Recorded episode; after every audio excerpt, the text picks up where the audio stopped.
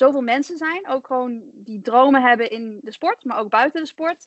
En die daar niet voor durven te gaan. Dus ik denk dat jouw verhaal echt iets is wat gewoon verteld moet worden aan iedereen, aan het grote publiek. Niet alleen aan hardlopers, weet je.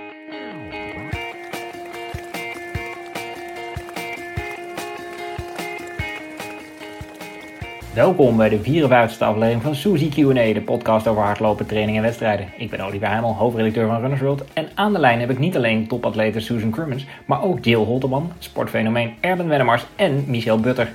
Onderwerp van gesprek uiteraard de NN Mission Marathon in Enschede afgelopen zondag. Jill, we beginnen met jou. Jill, Jij plaatste je gisteren met 2.28.18 als snelste Nederlandse. Dat had ik eerst nog niet eens door. Jij misschien ook niet. Maar eh, voor de Olympische Spelen in Tokio. Van harte gefeliciteerd. Ja, dankjewel. Ik heb lang nagedacht over de eerste vraag. Maar ik begin gewoon met, zag je het aankomen?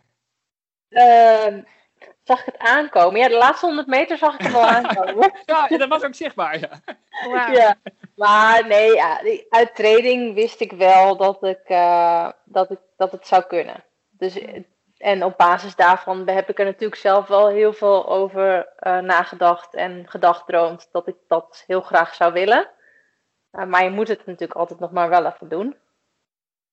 Ja, want je deed niet zomaar. Ik heb net uh, met verbazing, verbijstering wou ik zeggen, maar dat ook naar je Strava-file zitten kijken. En die was een partijtje constant. De eerste kilometer ging in 3.18, de tweede in 3.33, maar de rest was allemaal bijna op de seconde precies hetzelfde. Gewoon 3.29, ja. 3.29. Ja, maar de Strava en GPS is natuurlijk nooit helemaal nauwkeurig. Dus um, die 318 of zo, die eerste kilometer, dat klopt niet. Maar dat is altijd zo, omdat die GPS dat dan niet goed pakt. Maar we hadden volgens mij wel inderdaad heel goed constant tempo. En uh, ik zag ook die tussentijden op 5 en 10 en zo. Verder heb ik niet heel veel op mijn horloge gekeken, maar ik zag wel die klok staan. En het was vrij constant, maar wel constant dat we zo'n 10 seconden boven de Olympische limiet uh, liepen. En daardoor durfde ik ook te wachten tot 35. Want die laatste die 10 seconden, dat kon ik wel dichtlopen in 7 kilometer. Oh wauw. En op 35 dacht je dus ook eindelijk mag ik? Ja, los.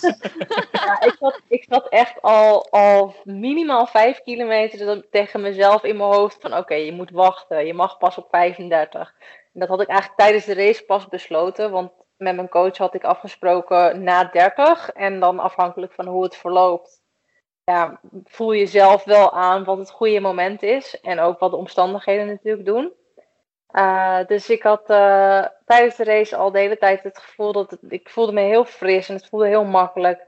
Dus ik, ik had al het gevoel, nee, ik kan echt nog wel een stukje harder. Maar ja, op zo'n marathon is het natuurlijk hartstikke spannend wat er nog kan gebeuren na 30. Want je kan kramp mm. krijgen of misselijk of, nou ja, je weet het niet. Dus toen ik zag dat we maar 10 seconden erboven zaten, toen, uh, toen besloot ik voor mezelf, oké, 35 is een mooi moment. Op 32 dacht ik, oh, ik wil nu gaan. En dan was het elke keer weer bij mezelf, nee, nee, wachten.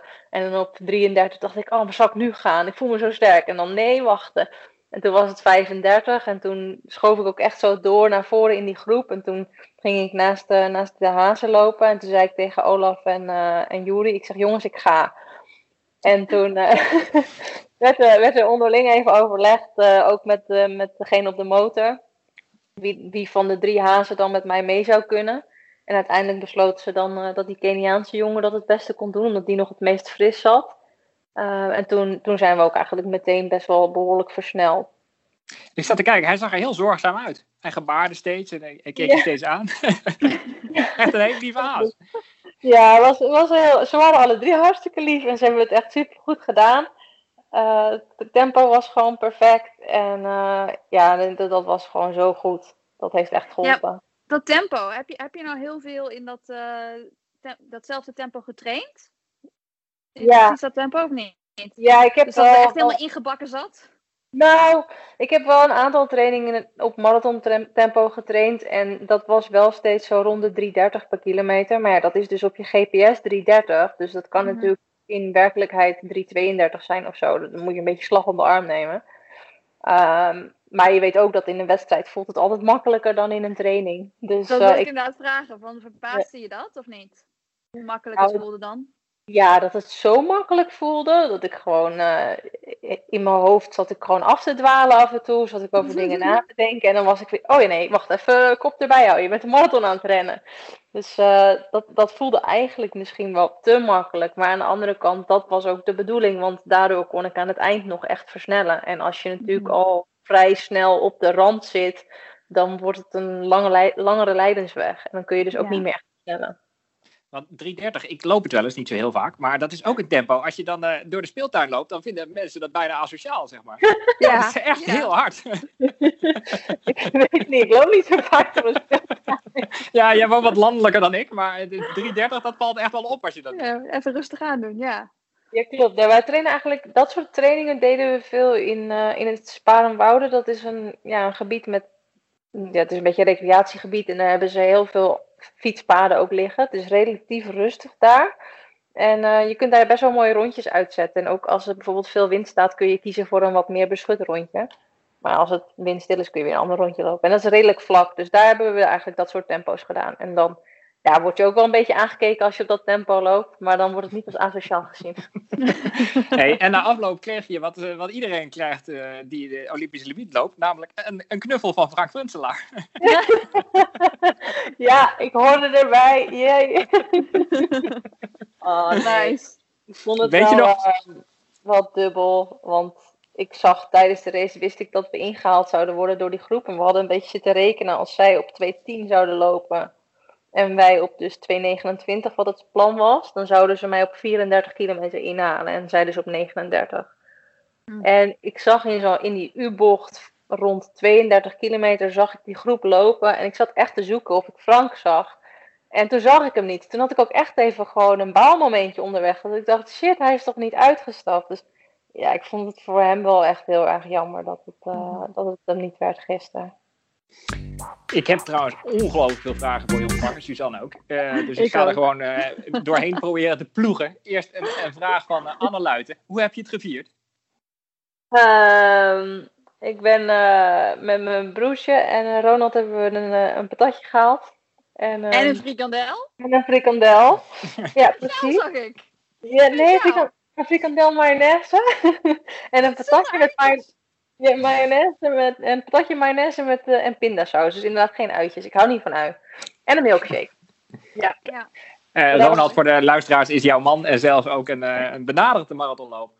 Ja. Uh, en de tweede vraag gaat ook over uh, Ronald. Uh, namelijk een vraag van Dennis Licht. Heb je nog een weddenschap uh, met je limiet gewonnen van Ronald? Kopkaal scheren of zo? Liep er nog iets? Nee, nee, dit keer waren er geen weddenschappen. Dat, uh, die ene keer afwassen, dat was me slecht bevallen.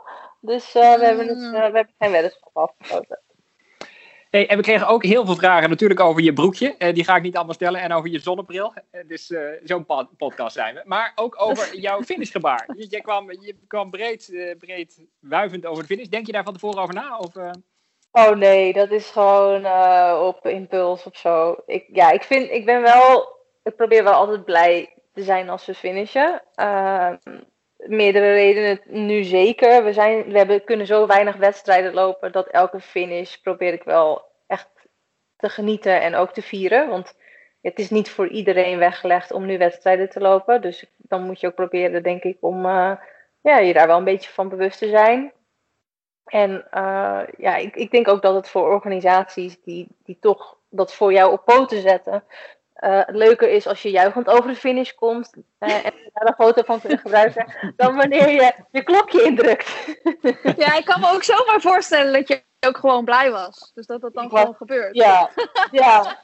Nee, het was sowieso, dat is gewoon op impuls. Maar ja, ik wil wel, ik wil wel gewoon me veel bewust, ik ben veel bewuster met, met wedstrijden en finishes uh, dan dat ik voor COVID was. Dat zeker. Wow. Uh, ja, want uh, vorige week begrepen we dat in Siena viel nog wel iets te verbeteren aan de organisatie. Ik had het idee dat deze er best goed in was, toch? Ja, dit was uh, behoorlijk strak georganiseerd. ik denk dat er heel veel opmerkingen waren. Ja, ik miste toch een klein beetje een medaille. Dat vond ik jammer. Maar oh, geen handdoek. Ook geen handdoek. Nee, nou ja, nee, dit was super goed georganiseerd. Alle, alle details klopten gewoon. En dat, dat ga je niet heel veel beter vinden, denk ik. Dan heb ik uh, twee vragen van Hugo de Haan. De eerste is, wie is naast Hugo de Haan je steun en toeverlaat? Die laat ik gewoon even open.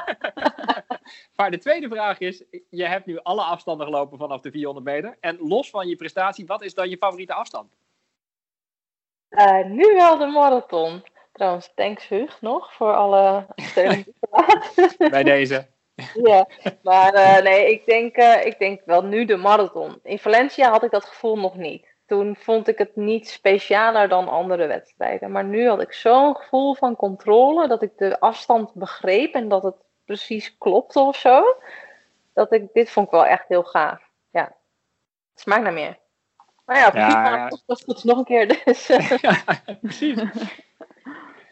Uh, ja, want dat is ook een vraag. Dit is pas je tweede marathon en nu al de Olympische limiet.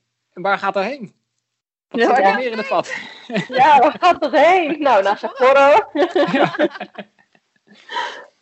um, ja, we gaan, ja, weet ik veel. No human is limited, toch? Dus ja. Uh, ik, we, zien het wel, we zien het wel waar het heen gaat. Ik ga me daar niet in begrenzen.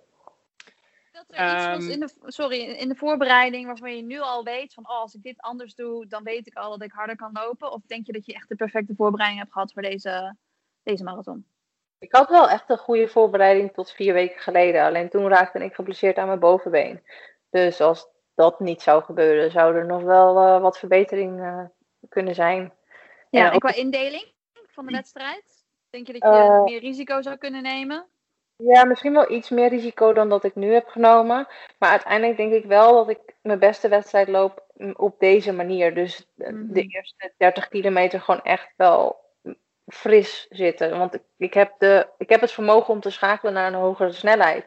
Omdat mijn 10 kilometer is natuurlijk ook best wel verbeterd afge, afgelopen tijd. Dus ik, heb, ik kan schakelen naar die hogere snelheid, maar dat kan ik alleen als ik fris genoeg zit. En als ik echt op dat randje zit, dan uh, denk ik dat ik niet heel veel harder had gelopen. Misschien als ik nu op 30, 32 kilometer was gegaan, had ik meer richting die 228.00 kunnen gaan. Maar je weet het niet. Kan ook kramp inschieten of iets anders. Nee, dat is waar. Maar het is wel interessant dat natuurlijk voor, niet voor iedere loper is, is dezelfde manier van indelen van de wedstrijd het beste. Sommige, ik, je hebt ook van die, van die diesels die gewoon op het tempo moeten beginnen en op datzelfde tempo eindigen. En natuurlijk veel baanatleten die naar een marathon gaan, lopen het meer op jouw manier inderdaad met een... Uh, mooi negative split. Ja, dat werkt voor mij nu in elk geval het beste. En het zou kunnen als ik me meer ga ontwikkelen als marathonloop, zodat het, dat het ja, steeds iets anders wordt. En mhm. uiteindelijk die negative split was niet eens heel erg groot. Want ik liep 1.14.18 om 1.14.00. Dus het is eigenlijk best wel vlak. Alleen die laatste. Nee, maar je hebt de versnelling heel laat ja. ingezet natuurlijk. Ja, dus dat is, ja, dat is zo. Ja. Dat is zo. ik was het alweer vergeten. Groot verschil, ja. Hey, en we kregen ook veel vragen over uh, je voorbereiding de komende maanden natuurlijk. Ga je eindeloos in, in de hoogtekamers, warmtekamers enzovoort? Ik weet het eerlijk gezegd nog niet. Ik verwacht uh, dat ik de komende week wel contact zal hebben met de Atletiek Unie. En dat we daar ook over gaan praten. Hoe we er nou voor kunnen zorgen dat ik straks op mijn allerbest voorbereid zal zijn in Sapporo. Het is natuurlijk een heel ander klimaat. Dus daar moet je wel gewoon op trainen. En uh, je moet goed acclimatiseren, dat is wel belangrijk. En, maar hoe het eruit gaat zien qua trainingskampen, uh, ik heb echt nog geen idee. Dan moeten we gewoon de komende maand even alle, alles goed plannen en uh, ja, zorgen dat het klopt. Hoe loop je normaal in de warmte? Ben je goed met nou, de warmte? Of? Nee, niet zo. Um, tenminste, mijn ervaringen die ik heb gehad in de warmte, die waren niet zo heel erg goed. Dus uh, dat, is, dat is iets waar ik echt wel uh, van denk. Ja, daar moet ik gewoon zorgen dat ik zo goed mogelijk op voorbereid ben. En zo goed mogelijk de maatregelen treffen die, die je kunt. En gelukkig is daar natuurlijk al heel veel uh, ja, know-how over bij de Atletiek Unie en bij NSW-NSF. Mm -hmm. En daar wil ik absoluut gebruik van gaan maken. Ja. Hey, we kregen dus ook heel veel vragen over je outfit. En die ga ik een beetje laten lopen. Maar ook wel eentje... Uh, Wel Vierkamp. hey, dat is gewoon mijn stijl. Zonder dierenprintje herkennen mensen mij niet. love it, love. En wat mensen vroegen, heb je een kledingcontract of zoek je dit allemaal zelf uit? Uh, nee, ik heb geen kledingcontract. Ik heb geen kledingsponsor ook uh, op dit moment. Maar ja, wie weet uh, dat, die, dat die nu interesse zullen hebben. Ik heb nu gewoon gekozen voor wat ik leuk vond. En, dat er zijn genoeg merken met een kledingprintje. Ik bedoel, met een tijgerprintje, toch? Ja, ja, die, er is aan, aanbod genoeg. Maar uh, ja, ik moet wel goed zoeken. Hey, ik heb ook nog een vraag over hoe je in de wedstrijd communiceert met je haas. Gaat het met gebaren of is er wel gewoon adem over om te zeggen het mag wel wat harder? Nou, er was nu vooral communicatie vanuit de organisatie met de hazen. Dus uh, Finne, die zat op de motor, die is van Global. En die communiceerde eigenlijk vooral met Olaf en Juri, dat zijn twee van de hazen. Uh, maar ik zat zelf wel lekker in de vibe dat ik ook nog wel een beetje grapjes aan het maken was af en toe met, uh, met Olaf. Maar, uh... maar jij hoeft dan niet via de motor met Olaf te praten? Nee, kan je nee, tegen Olaf zeggen dat... dat van voorzitter. Ja. nee. nee, nee, nee, dat, dat gaat prima. Ik heb één keer gezegd van laat je niet gek maken door, door die Belgische atleten. Want er was, was een Belgische dame en die uh, die zat eigenlijk al een beetje voor de hazen te lopen, omdat ze waarschijnlijk vond dat we te langzaam gingen. En, maar we gingen gewoon al harder dan dat gepland was. Dus uh, dat, toen heb ik wel even gezegd van, joh, laat je niet gek maken. En toen, toen zei Olaf ook meteen, oh nee hoor, maak je maar geen zorgen. Is zij uiteindelijk weggelopen of niet? Dan? Nee, nee, ze zat achter mij. Uh, ze is tot 35 kilometer, dus tot het moment dat ik versnelde zat ze nog in die groep. En toen ik mm. versnelde, toen kon zij niet mee. Maar uiteindelijk zat ze niet ver achter me. Ja, ik moet zeggen dat het niet allemaal, het was niet allemaal even goed te volgen. Want het was natuurlijk uh, qua, qua uitzending werd er gewoon natuurlijk heel veel op de mannen gefocust. En ik snap ook wel, het is een NN-wedstrijd. En Kipchoge is natuurlijk de grote ster. Dus ik snap ook wel dat ze daar de aandacht op focussen. Alleen, ja, ik vind het toch altijd wel teleurstellend. En dat is natuurlijk niet alleen met deze wedstrijd, maar met heel veel marathons. Uh, ja, dat, de, dat de vrouwen gewoon te weinig aandacht krijgen. En ik zat van, nou ja, die laatste Jill een keer zien. Of überhaupt gewoon dat we die laatste de vrouwengroep een keertje zien. Dus ja. uh, ik moet zeggen dat dat wel heel jammer was. Maar um, nou ja, ja toen de mannen eenmaal gefinished waren, toen, toen hadden de camera's opeens wel uh, over de vrouwen. en dat is natuurlijk veel te laat. Maar ik moet zeggen, ik, ik, heb het, ik heb je ook een berichtje gestuurd. Ik keek het op de AlterG en ik heb het eigenlijk langer doorgelopen omdat ik die finish wilde zien. En ik liep daar ook echt gewoon met tranen in mijn ogen, omdat ik het gewoon zo mooi vond. Na alles wat je zeg maar hiervoor, je hebt al die keuzes gemaakt, weet je wel. Je was natuurlijk advocaat en hebt gezegd van ik ga gewoon helemaal voor de sport. En, en ik wil gewoon kijken of ik naar de spelen kan. En ik denk dat er gewoon zoveel mensen zijn, ook gewoon die dromen hebben in de sport, maar ook buiten de sport. En die daar niet voor durven te gaan. Dus ik denk dat jouw verhaal echt iets is wat gewoon verteld moet worden aan iedereen, aan het grote publiek. Niet alleen aan hardlopers, weet je. Ik denk dat iedereen daar... daar en niet alleen aan advocaten. Nee, niet alleen aan advocaten. Maar ik bedoel gewoon ja, het feit dat je dus gewoon, dat je gewoon die keuzes maakt en eigenlijk gewoon risico's durft te nemen voor zo'n droom. Waarvan je eigenlijk, de, de kans dat het, dat het lukt, is, is eigenlijk klein. Maar in je hoofd denk jij, ik kan dit. En dan gaan er zoveel dingen onderweg eigenlijk niet volgens plan. Met, met corona, wedstrijden worden afgelast. En dat je constant je je, je plan moet wijzigen. En toch heb je niet opgegeven. En jij zegt gewoon: Oké, geen excuses. Ik ga gewoon op deze schoenen lopen omdat ik denk dat ik hiermee de beste kans maak. Ik ga gewoon fulltime trainen omdat ik weet dat ik dan alles erin heb gestopt en niks heb laten liggen. En dat is gewoon echt dat het nu gelukt is. Dat is gewoon zo'n mooi succesverhaal en zo'n positief verhaal wat iedereen zou moeten horen nu. En ik vind het jammer dat er echt veel te weinig aandacht aan besteed is. Ook op de NMS toen ik de Altigy afstapte en en mijn telefoon opende en dat artikel zag, wat eigenlijk gewoon vooral over Michel ging. En dan onderaan een voetnootje, oh ja, by the way, Jill gaat ook naar Olympische Spelen. Toen moest ik weer bijna janken, maar dit keer omdat ik het gewoon echt zo jammer vind dat dat nooit goed lijkt te gaan. Dus ik, uh, ik hoop dat je nu ook richting de Spelen, dat je gewoon het platform krijgt wat je verdient. Dat is echt iets, ik, ik vind het super inspirerend. En als, kijk, in de sport vinden mensen het inspirerend, maar ik denk daarbuiten ook. Dus ik hoop echt dat heel veel mensen uh, wat meer over jouw verhaal te horen krijgen. Sorry, wow. ik ben kwijt. Oh. ja, ik vind, ja, wauw, wat een betoog. wauw, ja, ik, uh, ik ben het wel met je eens. Uh, niet ja. zozeer over mezelf, maar gewoon in het algemeen in de sport. En dat was ook wel een van de eerste opmerkingen die ik maakte uh, toen ik de pers te woord stond. Ik wil nooit meer een voetnoot zijn. Um, mm. Want dat is letterlijk dat woord. Want dat vond ik ook, dat er vooraf veel te weinig aandacht was voor de vrouwen. En dat er uh, elke keer als een soort van verplicht nummer aan het eind van een artikel nog werd geschreven. Oh, by the way, er doen ook nog vrouwen mee. Uh, en dat, vond ik, dat vond ik gewoon ontzettend jammer. Niet per se dat ik dan degene moet zijn die in de aandacht stond. Want op basis van ja. mijn PR was ik dat helemaal niet degene die, van wie men het zou verwachten. Maar er deden, zouden ook Bo Ummels en, en Rut van der Meijden hebben PR staan waarbij het gewoon realistisch was dat ze voor de Olympische limiet konden gaan. En daar was ook geen aandacht voor. En dat vind ik gewoon heel erg jammer. Uh, dus ja. ik hoop dat, dat, punt nu inderdaad wel enigszins duidelijk is gemaakt. Um, Maar ja, uiteindelijk doe ik het voor mezelf. En daarvoor maak je natuurlijk ook al die keuzes. En ga je die hele weg door. En, en ja, voor mezelf was dit gewoon zo'n doorbraak. En uh, ja, zoals, ook zoals jij er nu over praat, heb ik zoveel mensen berichten gehad en verhalen gehoord over dat ze ontroerd waren en dat ze zich geraakt voelden door mijn prestatie. En ik denk dat dat misschien nog wel het meeste ervoor gezorgd heeft dat het bij me binnenkwam.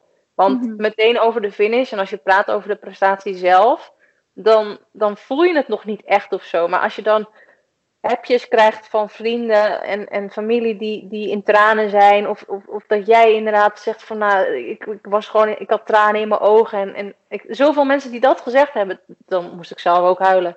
Dat, dat, dat, dat, dat, is het moment dat, dat het echt binnenkomt en dat je denkt, wauw, ik heb hier echt iets bijzonders gedaan. Ik heb andere mensen ook uh, op een positieve manier weten te raken. En dat is echt super gaaf. Net als dat mijn buurmeisje en buurjongetje twee tekeningen zijn komen brengen. Omdat ze het. Weet je, dat zijn gewoon, dat zijn denk ik de mooiste dingen hier nog wel van.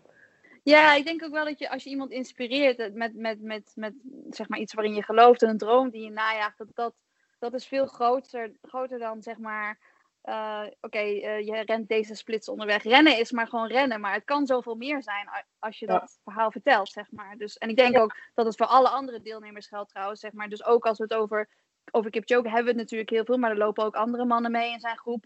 Die hebben waarschijnlijk ook een verhaal, maar dat heb ik niet echt gehoord van de commentatoren. En ook de andere vrouwen in jouw groep. Weet je, er zijn gewoon zoveel meer verhalen. En ik, ik ken heel veel van die verhalen, omdat ik de sport heel goed volg. Maar het grote publiek doet dat niet. En dat is gewoon echt zo zonde dat we dat dan niet meekrijgen. Maar uh, nou, jou, jouw verhaal gaat verteld worden. ja, ik denk dat dat nu, uh, dat dat nu inderdaad. En, en sowieso, kijk, topsport is aan zich al zo bijzonder. Wat, wat het niveau waarop wij de sport beleven is al bijzonder van zichzelf. En daar kun je al hele mooie verhalen over vertellen, zonder dat je per se er een verhaal omheen hoeft te hebben. Uh, niet iedereen zegt zijn baan op voor topsport of mm. verkoopt zijn huis, zoals Andrea. Of ja. was, was, vroeger kettingroker, zoals Björn. uh, kijk, breek zijn ribben. Ja. Of breek zijn ribben. Maar er zijn natuurlijk heel veel verhalen omheen te vertellen. Maar alleen het topsportgedeelte zelf is al heel bijzonder. En ik denk dat daar gewoon mm. nog, nog veel meer uit te halen valt. En ja. dat je daardoor hele mooie verhalen kunt vertellen. Want we hadden het even over inspiratie. Uh, het is natuurlijk wel zo dat bij de mannen nog veel meer mannen ervoor leken te gaan dan bij de vrouwen. Uh, althans, het waren wel, wel, wel, zes, zeven mannen die uiteindelijk voor die limiet uh, streden. Heb je het mhm. idee dat dat misschien over vier jaar wel komt in Nederland? Dat er heel veel vrouwen hebben gekeken en gedacht, dit wil ik ook. Niet alleen S. Crummins in Hilversum, maar... Ja, ik moet uh, zeggen dat als het. Oh, sorry. Ga maar. maar. uh, nou, ik denk wel dat, dat, dat het, het probleem is wel een beetje dat als je de vrouwen heel weinig laat zien, dat, nou ja, vooral jonge meisjes zien geen voorbeeld op tv die marathon loopt. Dus waarom zou je marathon gaan lopen? Want je ziet geen vrouw marathon lopen. Dat is het eerste probleem. Maar ook gewoon nou ja, gewoon uh, tieners die zeggen van ik doe, doe een atletiek. Waarom doe je een atletiek? Nou, misschien wat je wil gaan sprinten zoals, zoals Daphne of, of een ander technisch onderdeel wat misschien wel wordt laten zien. Maar als je in de marathon constant alleen maar de aandacht bij de mannen legt, dan hebben vrouwen misschien ook niet zo echt het gevoel dat, dat, ja, dat er een plek is voor hun in de sport. Dus ik denk dat dat dat het daar eigenlijk een beetje mee begint. En nu kijken er waarschijnlijk naar een marathon ook, meer mannen. Ik weet niet wat de statistieken zijn, maar ik kan me dat zomaar voorstellen. Omdat de aandacht ook op de mannen ligt. En ik denk dat je daardoor in die cirkel blijft zitten.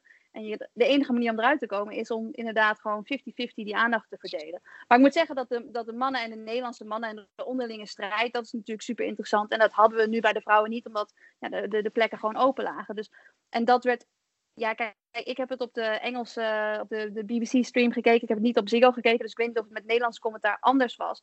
Maar daar werd bijvoorbeeld ook niet uitgelegd dat nou, er verschillende mannen in die groep meeliepen. En dat die allemaal aan het strijden waren voor hetzelfde ticket. Dat is ook gewoon een heel interessant verhaal. En um, ja, soms denk ik wel eens dat, dat misschien de, de, commentatoren wat beter ingelicht kunnen worden. En dat die misschien wat beter hun research moeten doen. En, en Joe Pavey deed onder andere het commentaar samen met Steve Graham. En Steve Graham doet het natuurlijk al jaren. Dus die doet het ook al jaren een beetje op dezelfde manier. En die kent alle grote atleten. En daar legt hij ook ja, legt de focus op, op Elliot. En ook wel terecht. Maar uh, Joe probeerde wel een beetje die andere lopers erbij te betrekken. En dat maakte het wel interessant. Zij had het als eerste over de Nederlandse onderlinge strijd. En ik, ik denk dat als dat wat eerder in de wedstrijd gebeurt, dat mensen weten waar ze naar kijken. En ik weet waar ik naar kijk, want wij nemen podcasts op met iedereen en ik volg de sport. Maar ja, iemand die dat niet weet, die denkt gewoon, er lopen een aantal mannen. Ja, ik weet niet, die proberen allemaal gewoon hard te lopen. Maar ja, er, ging gewoon, er zijn gewoon heel veel verhalen in die groep ook. Ehm, dus, dus ja, dat is wel een beetje, ik denk dat het met het commentaar, dat het misschien wat beter, de wedstrijd kan gewoon wat beter verteld worden. En, en tegelijkertijd is het ook zo dat je natuurlijk bijvoorbeeld, eh, we wisten eigenlijk niet qua splits eh, op wat voor een tempo jij liep. Dus zeg maar, ik keek het op de Altigy en ik had daarnaast niet nog een ander scherm waarbij ik even kon kijken of jij op, op tempo liep. Maar ik zag een 25 kilometer split van, nou wat was het, 1,28,6 of zo. En toen zat ik in mijn hoofd te rekenen van, ja, wat zou dat eigenlijk zijn? Zou ze op schema liggen, weet je wel? En dan denk ik van, als je naar andere sporten zoals bijvoorbeeld Formule 1 of zo kijkt, ja, eh, autootjes die rondrijden op zich, dat is niet zo interessant. Maar omdat je nu al die splits hebt en oh ja, en deze begint eh, op die in te lopen en weet ik wat allemaal. Ik denk dat we als we op die manier de, de sport wat beter in beeld kunnen brengen en het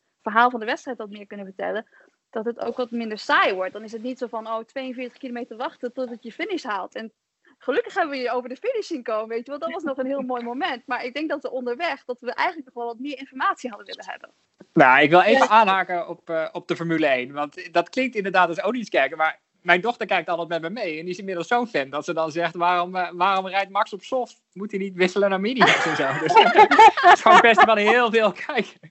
Ja, dat precies, inderdaad. Ja, ik denk en ook wat Suzanne zegt, dat is ook een stukje nou, ja, achteroverleunen of zo. Of terugvallen op, op, op, op dingen die je al weet.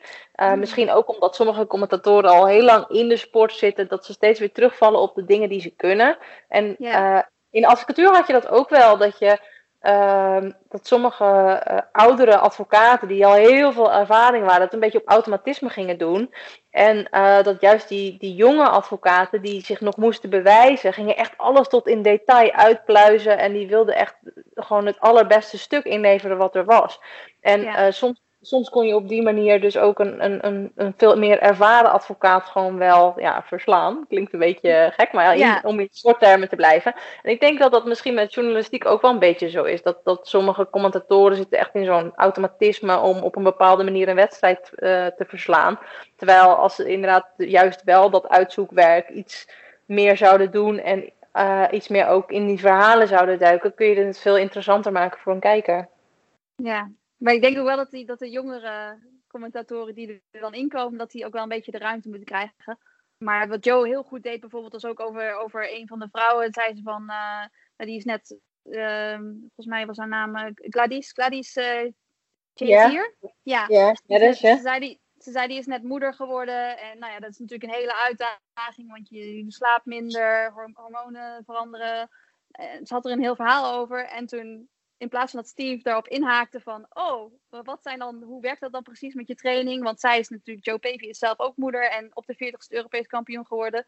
In plaats van op in te haken, ging hij het daarna over de splits van eh, Elliot hebben. De laatste 5 kilometer split. En toen dacht ik, kijk, daar, daar miste Dat is precies het jammer. moment Ja. dat, die- dat er een verhaal verteld had kunnen worden.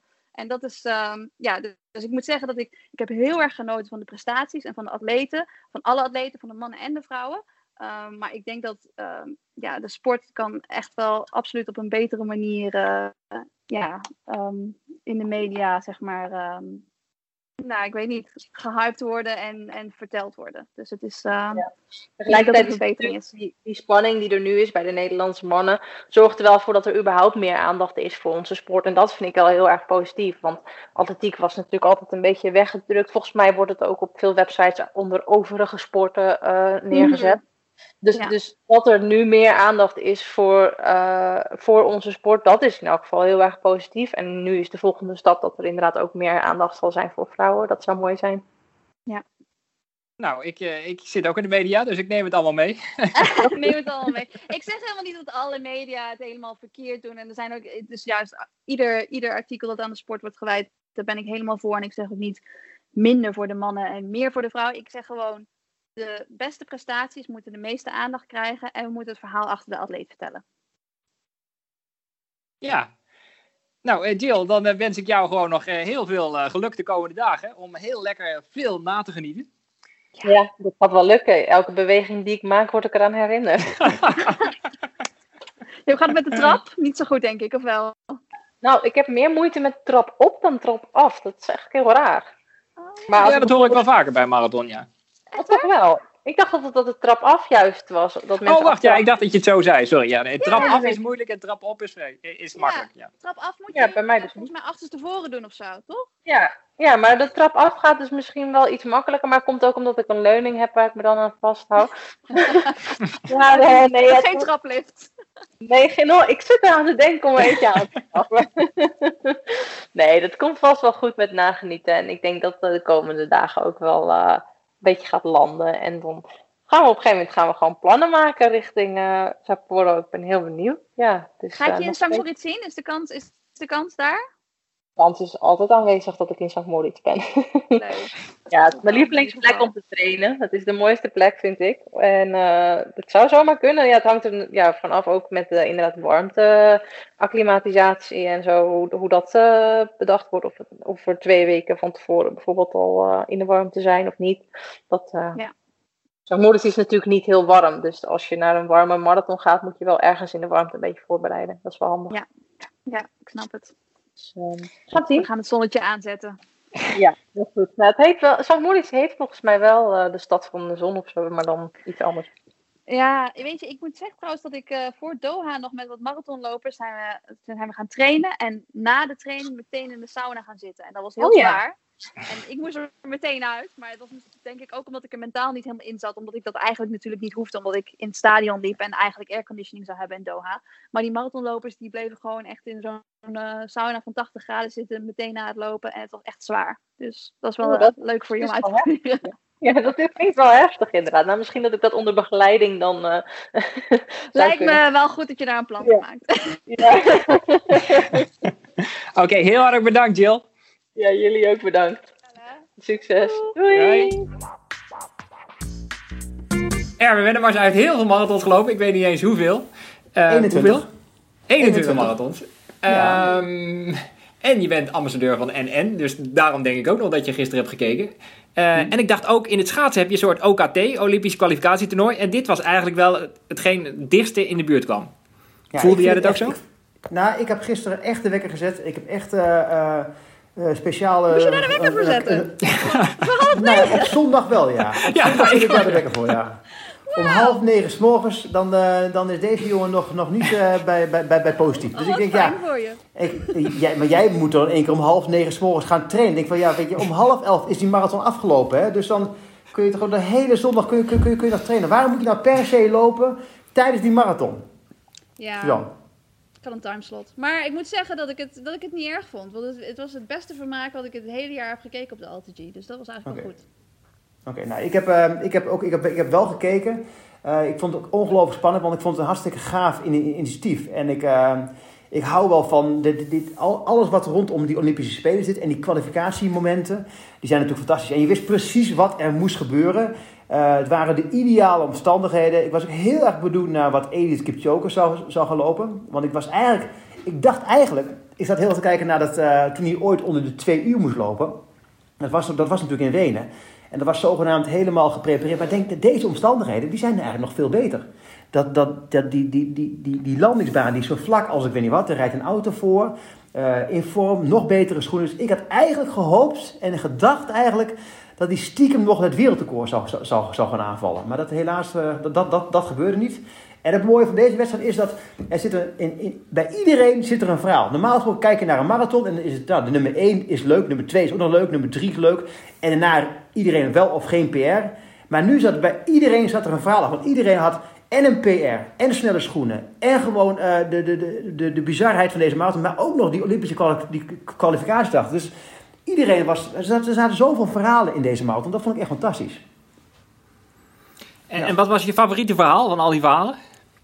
Nou, ik keek toch wel uit naar eh, Michel Butter. Kijk, dat is natuurlijk wel gewoon het verhaal. Dat je, dat je gestopt bent en dat je dan in één keer terugkomt. En ik, heb, eh, ik vind Michel Butter echt is een van de, van de iconen van de Nederlandse marathonsport. Hè. Ik ben echt een fan geworden voor, voor, voor van marathonlopen. En hij heeft natuurlijk in, in, een, in een tien jaar tijd is hij, is hij gewoon de Nederlandse marathonloper geweest. Samen met Abdi Nagay, maar ook met, met, met Galit. eh, eh, en, en, en nog een paar anderen. Maar het is maar een heel klein select groepje. En als hij dan afscheid neemt en dan vervolgens weer terugkomt. Dat vind, ik, dat vind ik dat al wel een mooi verhaal. En ik heb één klein dingetje wat ik altijd heb gehad met, met, met Michel Butter.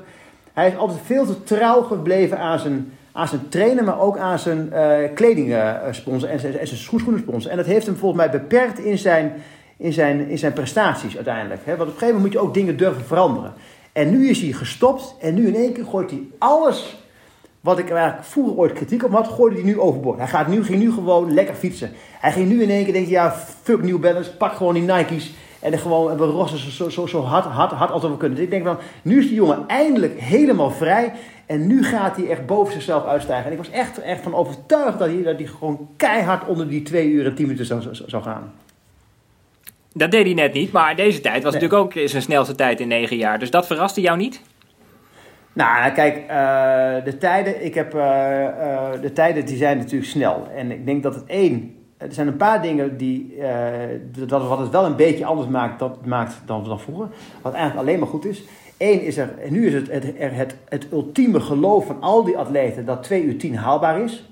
En ik denk dat er heel veel atleten geleefd hebben, uh, die denken, ja, weet je, die tijden die zijn allemaal, allemaal niet haalbaar. Maar nu in één keer is er iets maar of het nou door de schoenen komt of niet, maar het geloof alleen al dat ze allemaal onder die 2 uur 10 kunnen, dat is gaaf. En dan dat materiaal. Dat materiaal dat maakt het natuurlijk wel gewoon, uh, dat het gewoon sneller gaat. En, uh, en, daarom is deze 2 uur 10 is, is natuurlijk niet de, niet de 2 uur of de 2 uur 2, 209 die, die die ooit, gelopen heeft. Uh, dat, is, dat, dat is gewoon nog, nog, nog, nog, nog, nog, nog harder. Maar het was wel leuk, want ik denk, nou, dit, dit is gaaf. Het is een hele gave, positief, positief, positieve energie. Wat ik ook vind, ik heb ook heel veel kritiek heb ik altijd op al die selectiecriteria's. Dat vind ik echt, vind ik echt. Ik vind dat die, dat die limieten veel te, veel, veel te strak staan.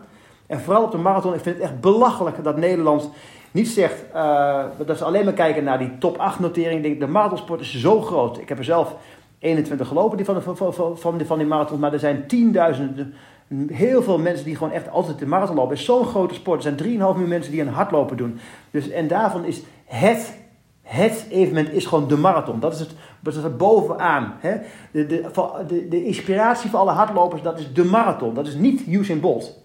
Dat vinden we wel knap, maar er gaat niemand thuis lopen. Nou, weet je, ik ga vandaag eens eventjes uh, uh, Usain Bolt spelen. Nee, we gaan allemaal bezig met afstanden lopen. Uh, 5 kilometer, 10 kilometer, halve marathon en een marathon staat er bovenop. Dus ik vind dat als wij ten alle tijd, als wij drie mensen of drie mannen en drie vrouwen kunnen vinden... die op topniveau er alles aan doen om, te, om het maximaal uit zichzelf te halen en daar op, eh, als, een, als een topatleet voor leven, dan moeten we ten alle tijden gewoon drie mensen naar, naar, naar, naar de Spelen sturen. En wat er nu gebeurt, er is tien jaar lang een soort van energie geweest van we halen het niet en alleen maar teleurstelling op teleurstelling op teleurstelling. En nu zie je dus dat die limiet eigenlijk te laag staat, waardoor in één keer vijf, zes atleten het wel halen. En nu ook in één keer allemaal marathons gaan lopen. En in één keer, oké, als jij nu, nu, als ik het niet nu haal, dan ga ik me volgende week inschrijven. Dan ga ik me nog een keer inschrijven. En dat niveau, wat eigenlijk misschien van deze atleten allemaal rondom de 212 zit, schuift in één keer op naar 210, 209. Dus het, het motiveert de mensen, de, de atleten, om nog harder te gaan lopen. En het haalt, het, het drijft het niveau van de Nederlandse atletiek omhoog. En daar gaat het hem vol, vol, vol, volgens mij op. Dus uh, ik vind ik lagere limieten en uh, dit soort dingen vind ik echt fantastisch. Ik zit erover na te denken. In 2015, toen in Amsterdam kwam Michel Butter acht seconden tekort voor de Spelen. Ja. Toen zat ik ja. in de kleedkamer. Was jij daar niet ook toevallig? Ja, ik, ik was er, ja, ik was er uh, ook. Ik, ik ben bij al die dingen heb ik, heb ik het allemaal wel, wel, wel, wel gevolgd. Maar dan, kijk, dan is die limiet is een limiet. En dan is het gewoon ja, wel of niet, hè? dat is klaar. Uh, ja. uh, maar ik vind dat die, dat die limieten gewoon te scherp staan. En het probleem is, daar, daar praat je nog, want ik gun het hem, dus ik vind dat het prima gevonden als hij toen naar de Spelen was, was, was gegaan. Maar daar moet je niet achteraf over, over, over klagen. Op het moment dat je er allemaal een, een handtekening tekening eronder zet van dit, dit zijn de regels. En dat vind ik wel, dat zal ik echt oproepen naar alle, alle atleten. Van hey, ga daar nooit mee akkoord. Ga daar, ga daar van de voorkant, maak het zo breed mogelijk breng andere argumenten in van, eh, weet je, wij zijn allemaal toppers, wij, wij, wij doen er alles voor, wij, wij, wij, wij verdienen gewoon om daarheen te gaan. Uh, maar dat was, dat was toch wel iets ander verhaal. En eigenlijk nu, want daar gaan we zo meteen ongetwijfeld over hebben, moeten we wel of geen uh, Michel Buten naar, naar de Spelen sturen. Kijk, toen was het nog de atleet tegen het systeem. Toen was het nog de atleet die, die zegt van ja, 9 seconden te langzaam. Eh, en, en die grote bange bond of die boze bond, die wil mij er niet heen sturen. Nou, dat is heel makkelijk om dan de publieke opinie achter je te krijgen. Weet je, dat wil ik ook wel, want die bond, hè, in principe de bond is allemaal nare mensen. Daar moet je vanuit gaan, dat, daar moet je niks mee te maken hebben. En, en, en, en ik wil altijd, als publiek ga je achter een atleet staan. Want, want, want die zie je, die, die zweet, die doet er alles voor. Dus die, en, en, en die gun je het, het, het allerbeste. Uh, maar nu krijg je dus uh, gewoon, uh, nu moet je eigenlijk veel, toen had je coulanter moeten zijn en nu moet je veel, veel harder zijn. Want nu gaat het om, ja, ik gun Michel Buter de Olympische Spelen. Natuurlijk gun ik hem dat. Maar dat betekent wel dat het ten koste gaat van iemand anders. Nou, en dan, dan wordt het een heel ander verhaal. Want, want als ik het nu. Stel, jij bent de bond, wat zou je gaan doen? jij gaat naar al die presentaties luisteren of zou je geen presentaties nou, organiseren? Nee, nee, ik, ik, ik, ik, heb mij echt, ik heb me echt kapot gelachen. kapot gelachen, echt waar. Ik, we hebben het vaccinatiepaspoort, hebben we zo meteen met z'n allen. Waar we, waar we natuurlijk uh, tegen zijn allemaal. Maar we hebben, in de atletiekunie is er dus echt iemand. Die heeft dus in de selectiereglementen geschreven. dat we gaan kijken naar het prestatiepaspoort. En ik denk, what the fuck? Prestatiepaspoort. Wat is dat? Keer een stem, je krijgt een stempeltje als je het goed gedaan hebt. Wat is dat? Wie bedenkt dat dan? En dan, en dan zijn er serieus, serieus mensen die dan zeggen: ja, prestatiepaspoort, dan ga ik, we gaan, we gaan, we gaan. Hou op, man. Wat, wat, wie, denk je wel niet dat je bent dat jij daarover kunt oordelen? Dat je, dat, dat, je, dat, je, dat je dit inzicht hebt, dan moet je zelf wel echt, echt verheven voelen. Denken dat je veel beter de sport kent dan al die atleten zelf. Hè? Dat, je, dat je denkt dat je daarover kunt, over kunt, kunt, kunt, kunt oordelen. Dus Um, ik vind het heel gevaarlijk ook. Ik vind het echt heel gevaarlijk op het moment dat zometeen er iemand beslist die in de commissie zit, die op afstand staat, want die mag niet te dichtbij zijn, want dan is hij weer uh, te, veel, uh, te, te, veel betrokken. Dat hij denkt dat hij over dat soort uh, dingen kan oordelen. Van nou, weet je, als jij zometeen, jij loopt misschien langzamer, maar als jij erheen gaat, dan denk ik dat jij beter kunt presteren, want jij hebt in het verleden dit en dit gedaan en jij bent zo'n en zo'n type, type atleet. Als, als hij dat denkt, hè, dan ben je echt, dat, dat, dat, dat is levensgevaarlijk. Dat moet je als, als selectiecommissie ook niet eens willen. Dat moet je, in die positie moet je niet eens willen komen. Dus dat, dat is echt gevaarlijk. Want de, dus ik ben heel erg voor, nu gewoon, kijk, nu moet je gewoon keiharde streep zetten. Weet je, het is heel simpel. Twee uur, 10 minuten en 15 seconden betekent Olympische Spelen. Twee uur, 10 minuten en 16 seconden, dat is dezelfde tijd als Bad van dat is een bespreekgeval. En twee uur, 10 minuten en 17 seconden is jammer. Maakt niet uit wie je bent, maar je gaat niet naar de Spelen. Zo, zo, zo, gewoon eerst, jij zegt gewoon de eerste drie dus. Zeg je? Ja. Het is gewoon, nee, maar, het is, drie tijden. Ja, maar het is ook gewoon de eerste drie. En dan is dat gewoon objectief, hè? Objectief, maar als je dat dan ook nog wil uit... Kijk, echt waar, ik gun Michel het allerbeste, hè? Ik vind het echt fenomenaal. Ik ben eindelijk zo, zo blij dat hij verlost is van die van het, van het dwangmatige, uh, heel erg gestrikt aan het schema vasthouden. En dat, dat hij nu ook echt de liefde voor de sport en het, en het, en, en het, en het onbevangen heeft. Dus ik gun hem dit, deze ervaring gun ik hem van harte. Echt heel erg. Maar volgens mij is Bad van Nune, die is volgens mij heeft in Valencia gelopen. Hè, hier, volgens mij, dat weten jullie beter dan ik. Ja. En volgens mij is hij ook nog gevallen halverwege, of niet? Was hij nog gevallen? Eh, of gestruikeld? Nou, hij liep in ieder geval niet op de allersnelste schoenen. Er is nog een schoen die, die, die sneller is. Dus, uh... ja, maar, goed, maar, ook, maar, maar ook dat, hè, Dus- Suzanne, dat dus is gewoon onderdeel van het spel. Als jij het beste materiaal krijgt, is dat een.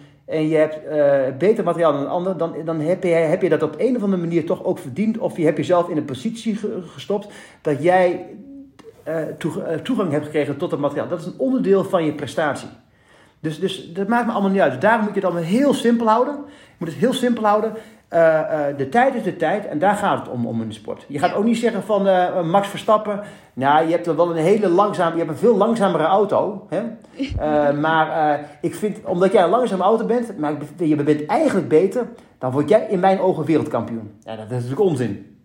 Dat kan niet. En dat is hetzelfde als in, als, als, als in alle sporten. Je moet zorgen dat jij aantrekkelijk genoeg bent om dat, dat jij de- het juiste materiaal hebt. En dat is ook een keuze, dat is ook lef wat, wat, je, wat je moet hebben. Eh, daar moet je ook dingen voor opzij zetten. Je moet ongelooflijk veel offers doen hè, voor, je topsport. En dat betekent dus soms dat ook een offer is dat je nee zegt tegen een bepaald sponsorcontract. Als jij er echt een, op, op, oprecht zegt van, weet je, ik wil ergens, ik geloof dat een ander merk een betere schoen heeft en die sneller, nou, dan ga ik, dan moet ik daar een offer voor doen. En dat is heel jammer, maar dat is wel hoe, hoe de topsport in elkaar zit. Nee, dat is waar. Maar Bart die staat natuurlijk met die tijd nog steeds in de top 3. Dus ik denk niet dat hij, eh, dat hij zich daar heel erg veel Nee, zorgen over te maken. Maar dat Nee, is, maar eh, als Bart zometeen, eh, want ik zou gewoon, ik zou Michel als één ding adviseren. Weet je, als jij gewoon uit het niks zo eventjes 2 uur 10 loopt, eh 15, en je zegt een, een vijf minuten na afloop, zeg je al van, nou, eh, Eh, ik heb het interviewtje ook gezien. Nou, uh, Laurens, morgen gaan we weer een 100 kilometer door, de, door de duinen rammen. Dan denk ik, nou, dan, dan heeft het ook niet zo heel veel... Dan heb je, wordt het wel moe. En ik gun het hem ook, want hij zag er ook, ook, ook, ook nog fit uit. En ik van, weet je wat je moet doen? Lekker morgen 100 kilometer door, door de duinen heen rammen. Maar over een maand, er zal ongetwijfeld nog ergens weer een marathon zijn. Weer een poging doen. Gewoon nog een keer. En als het dan niet lukt, nog een keer.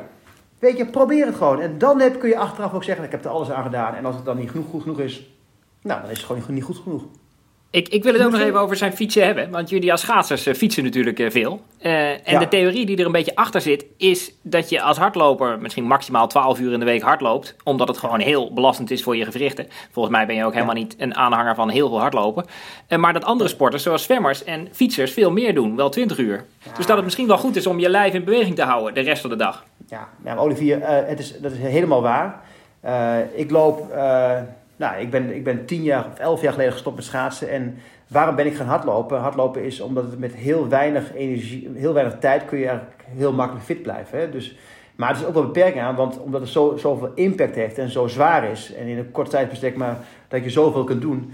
Dat eh, betekent ook dat als je nog meer uren gaat maken, dat je gewoon snel geblesseerd raakt. En juist die diversiteit, die, die, dat, dat, dat, dat, dat, dat, dat veel van andere sporten doen, dat maakt je ook gewoon veel sterker. Ik, ik doe het nog steeds. Hè. Ik heb vandaag heb ik uh, eh, 50 kilometer gefietst. Ik heb gisteren 16 kilometer hard gelopen. Ik heb eergisteren 100 kilometer gefietst. En dat houdt me fit. Maar ik weet heel goed dat als ik vier keer de, meer dan vier keer in de week ga hardlopen, nou, dan, dan krijg ik gewoon blessures. Uh, dus, dus, en dat is ook wel iets wat, wat in deze tijd is. Uh, dat, dat, dat inzicht zien we nu eindelijk wel. Dat hele specialiseren, dat is natuurlijk grote onzin. Dat specialiseren is op het moment dat je dicht bij de finishlijn komt, dan moet je gaan specialiseren. Maar je moet zo lang mogelijk breed gaan blijven, gaan, gaan, gaan blijven bewegen. Nee, Daphne Schippers, mooi voorbeeld, is gewoon een zevenkampster. Die gewoon uh, eigenlijk relatief veel te laat is gaan specialiseren. En doet het op de allermoeilijkste onderdeel van de atletiek, de 100 meter. Loopt ze gewoon uh, hard, loopt, loopt, loopt, loopt gewoon voor de, voor de prijzen mee. Dus uh, dat, dat, dat, dat, dat is, is, is al, al, al, een goed voorbeeld. Als je kijkt naar andere sporten of meerdere sporten, ook, ook in mijn wereld, de schaatswereld uh, Jorrit Bergsma is gewoon een marathonschaatser die op een gegeven moment terugkwam naar de, naar, naar, naar de lange baan. Die was als, als lange baanschaatser nooit geslaagd als lange baanschaatser als hij gewoon in de lange baanschaatser was gebleven. Maar die heeft door heel veel omvang te doen, via een andere kant, kwam hij op een gegeven moment met de 10 kilometer in, aanmerking, of in aanraking. En zei hij van, nee, weet je, dat is eigenlijk ook wel makkelijk. Het is gewoon, uh, het, is, het is maar 25 rondjes rijden. Dat, dat, doe ik ieder weekend twee keer 125 rondjes. Dit is eigenlijk, eigenlijk heel makkelijk. Michel Mulder komt vanuit het inliner. Uh, Jorien de Mos komt vanuit, het, uh, vanuit, vanuit de, de short track. Niels van der Poel, hè, de, de, de, de, die man... Die, is gewoon, die, loopt, die heeft vorig jaar meegedaan aan een hardloopwedstrijd van 171 kilometer. 171 kilometer. Als die man opgegroeid was in Nederland, dan hadden wij hem iedere training, als hij in Tiel was gekomen, hadden we hem uitgelachen.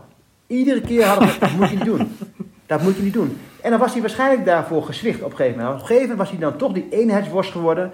Dat hij dan toch weer braaf de Tiel was gegaan en daar zijn rondjes gereden had. En nu, nu, nu heeft niemand hem gezien. Is hij helemaal zijn eigen weg gegaan. Een ander pad gelopen.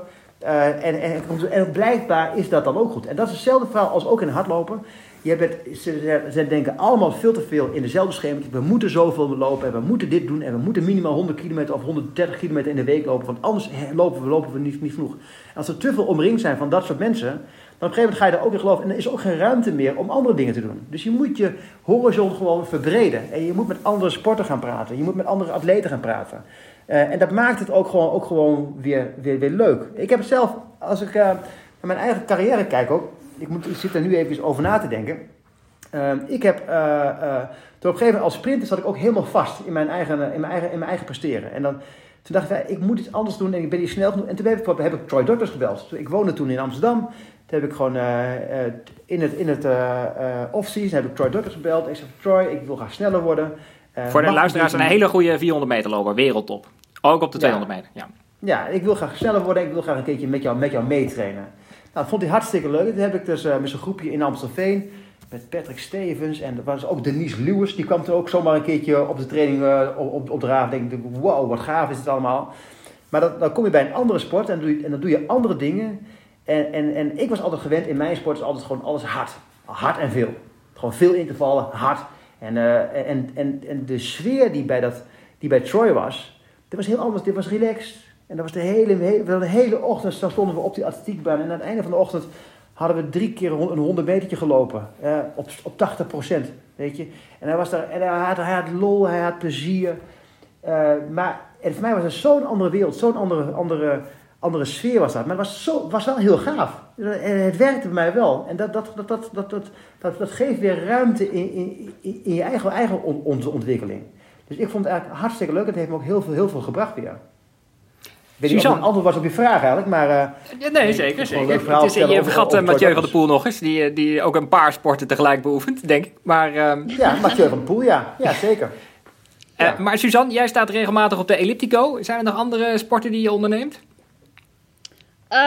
nou, nee, maar elliptico, dat ik dat doe, zeg maar, het is natuurlijk voor de meeste 10 kilometer lopers is het ook wel normaal om gewoon twee keer per dag te lopen. Ik loop maar één keer per dag en ik doe dat al jaren. Dus het is inderdaad dat lijkt misschien wat minder dat ik veel alternatieven van een andere sport doe. Maar uh, ja, als ik zeg maar 120 km per week loop, dat is eigenlijk heel weinig voor een lange afstandloper die zeg maar 10 kilometer loopt. Dus uh, nou eigenlijk doe ik dat op die manier wel aan andere sporten. Natuurlijk, op de AlterG is het natuurlijk ook niet hetzelfde als buiten rennen, maar je bent wel nog steeds aan het rennen. Fietsen vind ik wel echt een hele andere beweging. En fietsen doe ik ook echt alleen maar als ik, uh, als ik mijn voet bijvoorbeeld helemaal niet kan belasten. Dus dat als, ik echt, als ik terugkom van de blessure, dan is het in verschillende stappen. Dan is het eerst in het zwembad, totaal zeg maar gewoon aquajoggen, nul belasting. Dan als je een klein beetje iets kunt doen, fietsen, maar dan zo snel mogelijk naar de, naar de elliptico. Omdat dat eigenlijk het meest op de hardloopbeweging wel lijkt. En op die manier kan ik inderdaad gewoon prima mijn hart trainen. En ik merk ook bijvoorbeeld met Achillespees blessures dat... Um, zeg maar, dat dat beter is, omdat ik dan wel nog steeds mijn Achillespees ook beweeg. Dus qua doorbloeding en zo zorgt dat ook voor beter herstel. Dus het is zelfs beter om hm. dat wel te doen dan dat helemaal niet te doen. Zeg maar, dat is beter dan rust nog. Dus uh, op die manier zet ik dat wel in. Dus zeg maar, als ik, als ik veel, als ik zeg maar, ochtends, als die Achillespees wat vaker stijf is, dan kan ik beter ochtends even elliptico gaan doen. Dan warm je die pees al goed op en dan kun je smiddags kun je makkelijk lopen en dan is dat geen mm. probleem. Dus het uh, is wel echt een, ja, een tool die wel gewoon helpt en die ik ook, uh, ga ik ook weer zeker meenemen naar, naar Samoris natuurlijk. En als ik dat op hoogte doe, dan is het echt ook super zwaar. Dus dat is wel, ja. ja. dat is wel mooi dat ik dat heb. Heb je, heb je een racefiets, Suzanne? heb ik een racefiets? ja. Nee, ik heb geen racefiets. Uh, als ik uh, iets, iets aan fietsen doe, dan is het eigenlijk uh, spinning. Dus dan doe ik zeg maar peloton en dan gewoon een beetje, nou ja, gewoon zeg maar, dat zijn kortere trainingen. Ik ben niet iemand die, die lang op de fiets wil gaan zitten. dus ja, dus denk ik niet helemaal voor mij. Ja, ik denk, dan ga je op een spinningfiets zitten. Dat, dat, dat, dat geloof ik dus helemaal niks in. Helemaal niet, hè? Denk, ga je naar Stad Morris toe, neem een racefietsje mee. Ga lekker daar een, bergje beklimmen. Daar word je echt helemaal niks, niks minder van. Ja, nou, ik, ik, ik, vroeg het ook omdat er een, een Britse triatlete onlangs per ongeluk het wereldrecord verbrak op de 5 kilometer. 14.41.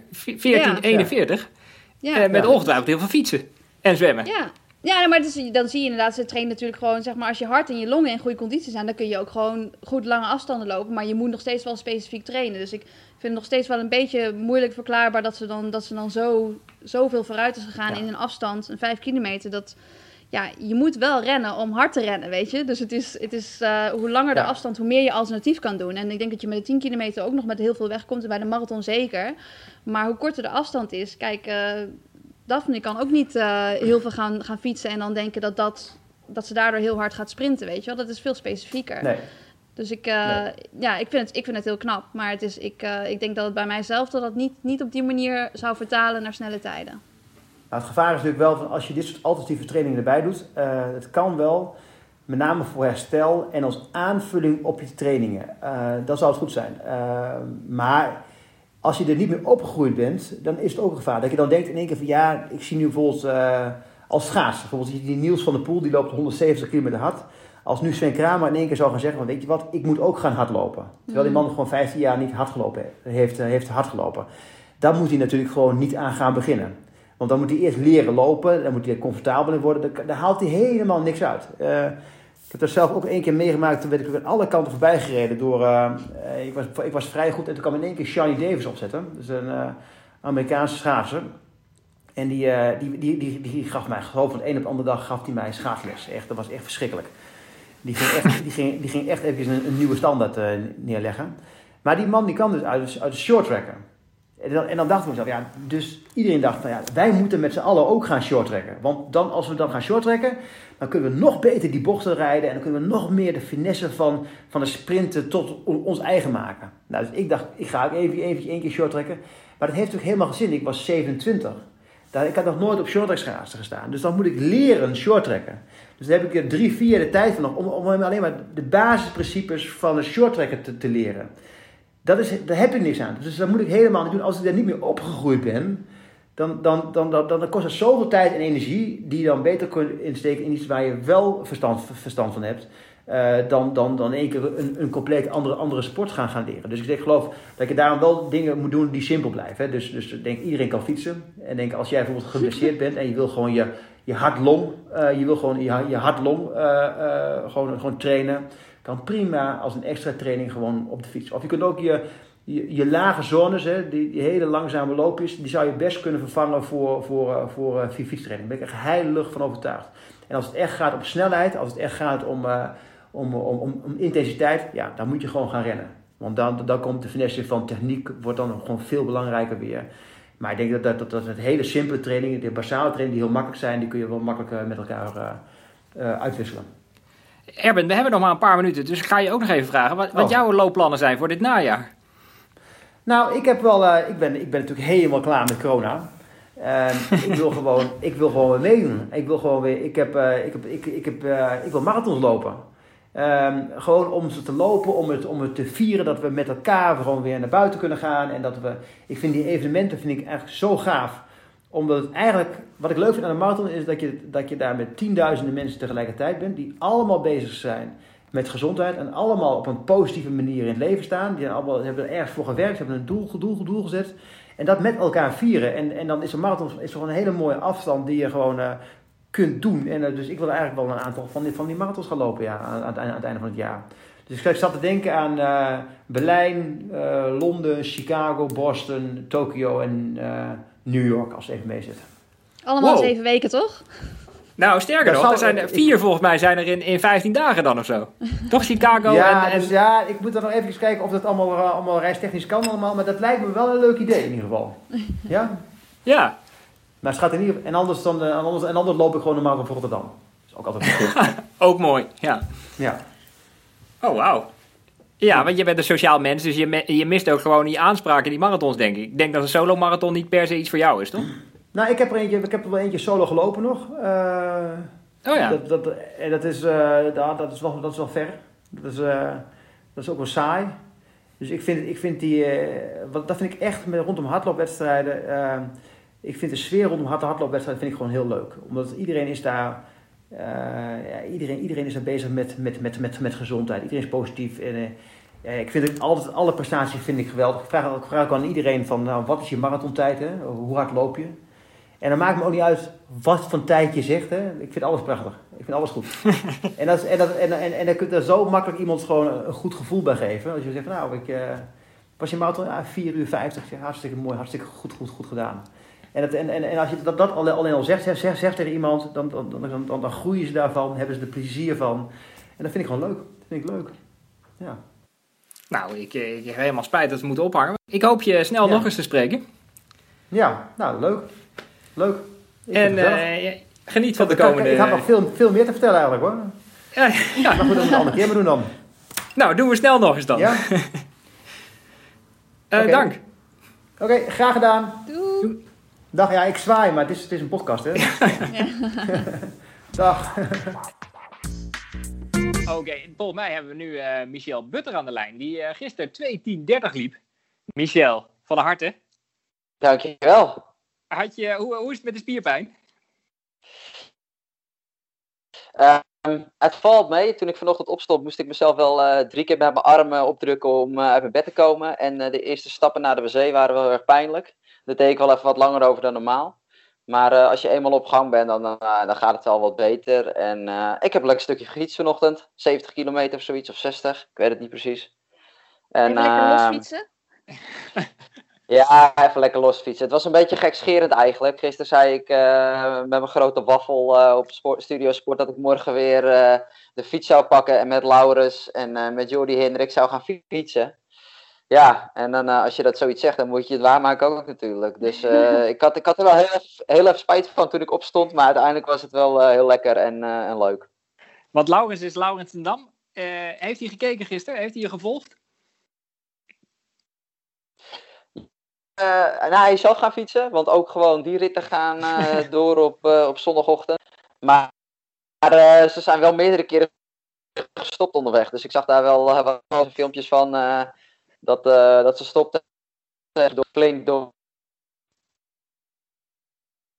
Oh, ik, de verbinding viel heel even weg. Maar ehm, hoe, hoe kijk je zelf terug? Was dit iets waar je jezelf voor getekend had?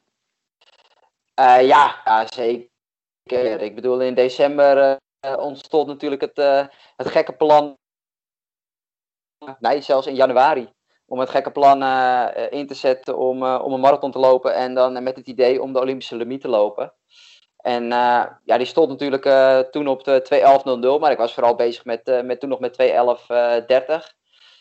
ja, en dat ik zulke grote stappen maakte nu in de, in de laatste tijden, de laatste periode. En dan dat ik dan uitkom op, op 2.10.30. Ja, dat was op zich wel weer iets waar ik mezelf ook bij verbaasde. En ja, het is gewoon heel gaaf dat ik een goede marathon liep, dat ik boven mijzelf uitsteeg. Ook heel gaaf dat ik. we zouden met zes Nederlanders voor deze missie gaan. En ik, ik, trok uiteindelijk aan het langste eind. En ja, dat is, dat is natuurlijk wel hoe het zou moeten. ja, voor, voor jou dan. Maar is dat iets waar je onderweg ook een beetje mee bezig bent? Dat je dan aftelt van, oh, daar gaat er een af? Of had je dat helemaal niet door? Nou, in het begin nog niet echt, omdat het nog, uh, ja, uh, Roy en Frank, uh, die gingen volgens mij al rond ergens voorbij de 20 eruit. ging natuurlijk wel hard en ik zag al wel dat Frank een paar keer op het vinkentouw zat, dus dat zag ik wel in mijn ooghoek. En Roy zag ik op een gegeven moment van voren uit de groep echt, echt snel naar achteren gaan. Dus toen dacht ik, ja, weet je, we zitten nu net voorbij de 20, zoiets of 25 ja, dat is wel erg vroeg. Dus dan, dan weet je wel van uh, als we straks de finale ingaan, dan, uh, en ik voel me zoals ik me nu voel, dan uh, ligt mijn positie er wel goed bij.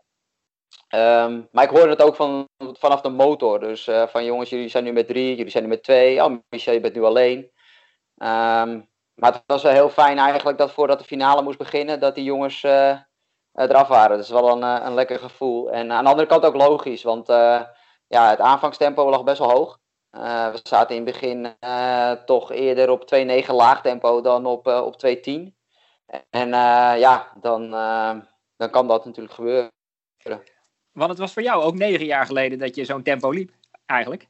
je hebt natuurlijk nog wel 2.11 gelopen, maar dit is dan nog net een, een, slagje harder. Dacht je een paar keer onderweg, wat gebeurt hier? Wauw. Of... Um, nou ja, op basis van mijn trainingen wist ik wel dat ik, dat ik dit tempo aankon. Dus ik had een aantal trainingen gedaan die vergelijkbaar waren als bijvoorbeeld richting New York 2017. Of uh, die ik deed rond mijn PR-periode, dus 2012, 2015.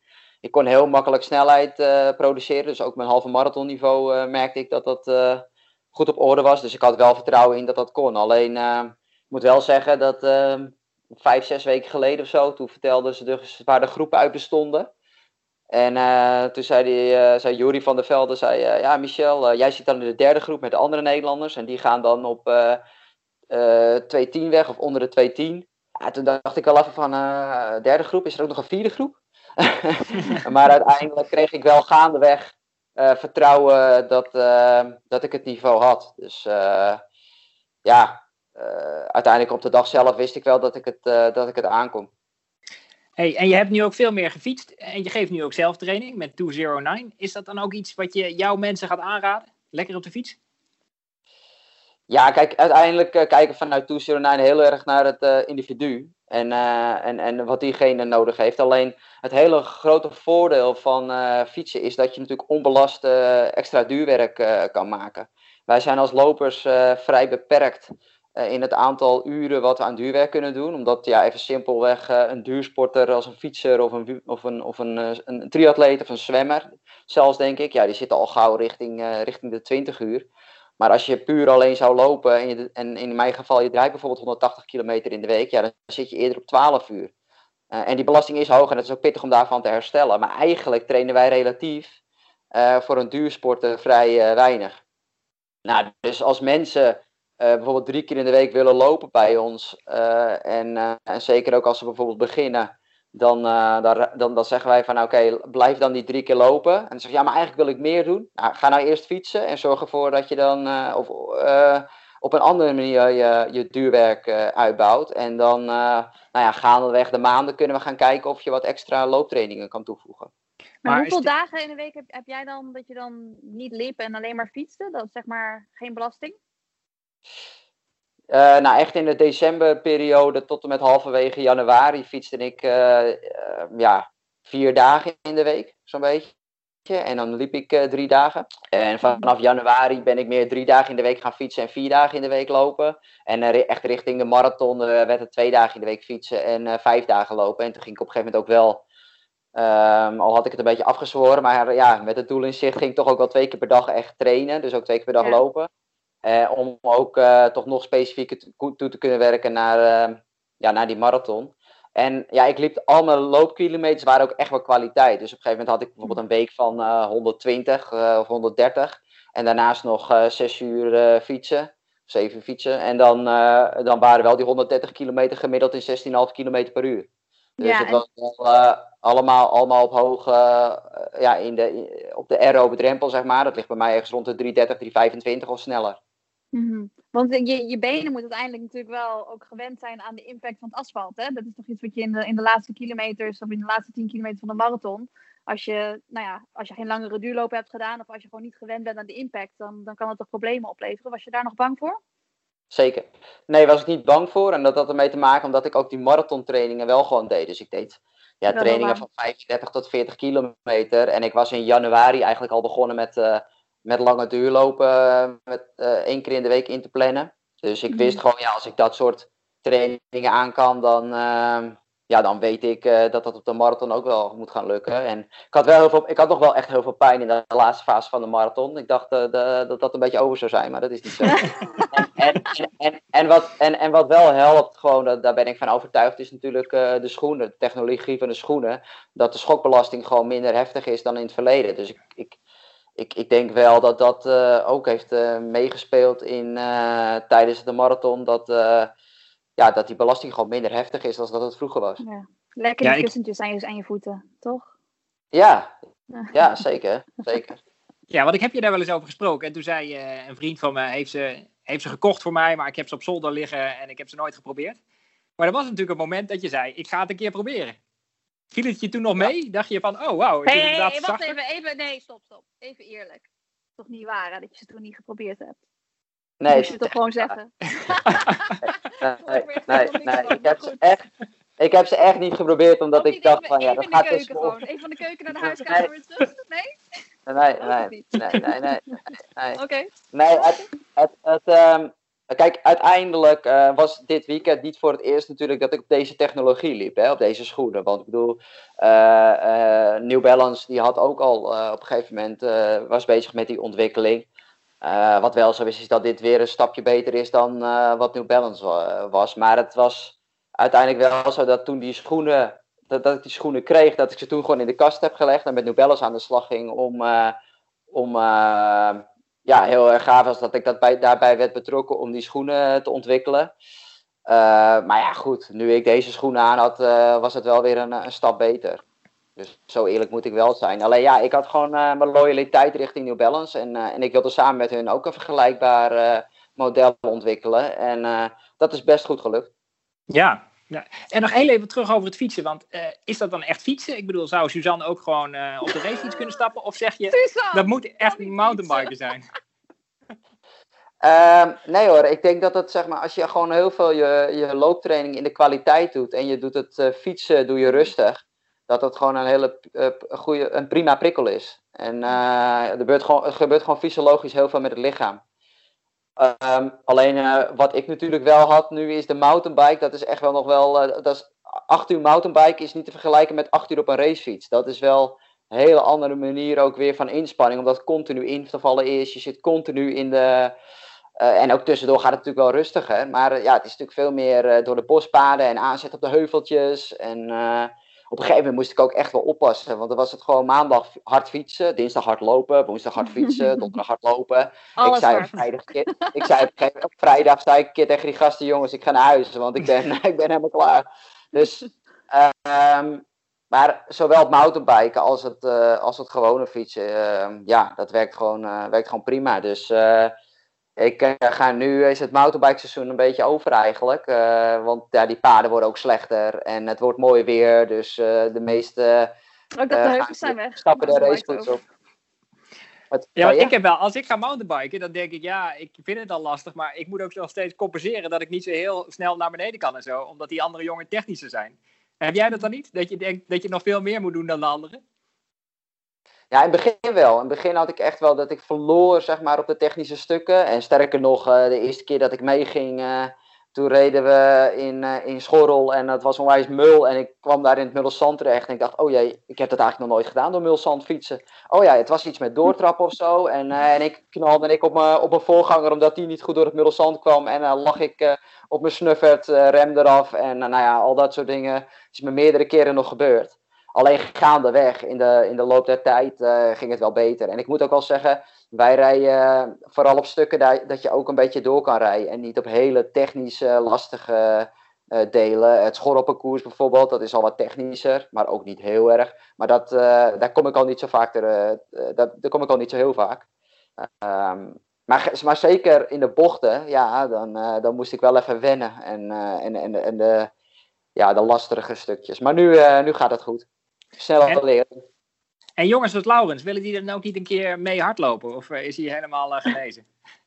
Ha, Laurens en hardlopen, ja, dat is wel een ding. Heeft hij wel geprobeerd. Maar Het zijn gaat er niet meer carrière, worden. vrij- zijn carrière eindigde vrij snel. Nee, ja, ik, denk, ik denk nog steeds, kijk, net zo goed dat het voor lopers heel goed kan zijn om te fietsen. En die, over, die, die overgang is natuurlijk makkelijker dan eh, hè, vanuit een hele zware, belastbare sport. Hè? Want als je nagaat dat elke stap die wij zetten, dat dan eh, vier keer je lichaamsgewicht op je peesjes en je botten terechtkomen. Eh, en, en wij zijn natuurlijk conditioneel wel echt, echt heel sterk. En die overstap is wel makkelijker. Ook niet voor iedereen overigens hoor. Maar is wel makkelijker te maken naar de mountainbike of racefiets dan, dan andersom. Alleen het grote probleem is eh, dat fietsers, die zijn natuurlijk zo gewend om, om veel uren te maken. Die stappen een fiets op en die gaan vier uur rijden. En als ze dan gaan lopen, dan denken ze, oh een uurtje lopen, dat moet wel kunnen. Maar ja, zo Ja. werkt het niet. Je hebt gewoon echt wel de tijd nodig om alle, alle botten en pezen te laten wennen aan die eh, belasting. En eh, nou ja, dat lukte Laurens volgens mij niet helemaal. Dus ja, dan ben je ook wel snel klaar. En nou, misschien dat hij nog eens een keertje het, dit gaat proberen. En ik hoop dat er zijn genoeg fietsers die het wel graag willen, maar die denken dat het niet kan. Alleen ja, je moet gewoon eh, geduld hebben en eh, echt de tijd voor nemen. Ik heb nog, eh, nog één vraag eigenlijk. Ik heb het idee dat, dat nu met jouw comeback en met Bjorn en ja, gewoon aan alle kanten veel meer aandacht is voor de marathon nog dan, dan vijf of tien jaar geleden. Heb jij dat ook? Voel je je echt in een warm bad wat dat betreft? Of? Ja, weet je, het is gewoon heel gaaf dat, dat door, ehm, door natuurlijk de hele ontwikkeling van de schoenen, dat we ineens een haalbare limiet hebben. En dat er nu eh, zes man eh, daarom strijden. Eh, en ook dat er steeds meer marathonlopers, doordat ze denken van hey, dit is misschien wel een once in a lifetime opportunity. Laten we hopen van niet. Want je ziet hoeveel dat losmaakt natuurlijk nu in Nederland. Dat er ineens gewoon ja, drie tickets te verdelen zijn en, en dat daar een strijd om is. Ehm, maar je ziet, gewoon, je ziet wel dat er ook meer aanwas is. En dat meer mensen voor die, voor die marathon kiezen. Ja, en dat eh, is wel bijzonder om te zien dat het heel wat losmaakt. En ja, als het over vier jaar eh, de limieten weer zo scherp worden gesteld als dat het eh, in 2016 was of, of 2012. Dat je echt ja, bij de Europese top moet behoren om, om je te kunnen kwalificeren. Ja, dan gaat het natuurlijk wel weer een, een andere kant uit. Dus ik, eh, ik vind het gaaf om te zien. En ik vind het mooi om te zien dat zoveel mensen voor de, voor de marathon kiezen. En ja, We hadden het er net nog even over met Erwin Wennemars. Die adviseerde jou om gewoon nog een marathonnetje te doen eh, als het nodig is. Eventjes gewoon. Is dat nog een overweging om ergens voor 31 mei... eh, Nee. Want weet je wat het is? Nu ga je ervan uit dat, de, dat, natuurlijk, eh, dat je een hele snelle tijd moet lopen om naar de Olympische Spelen eh, te gaan. Hè?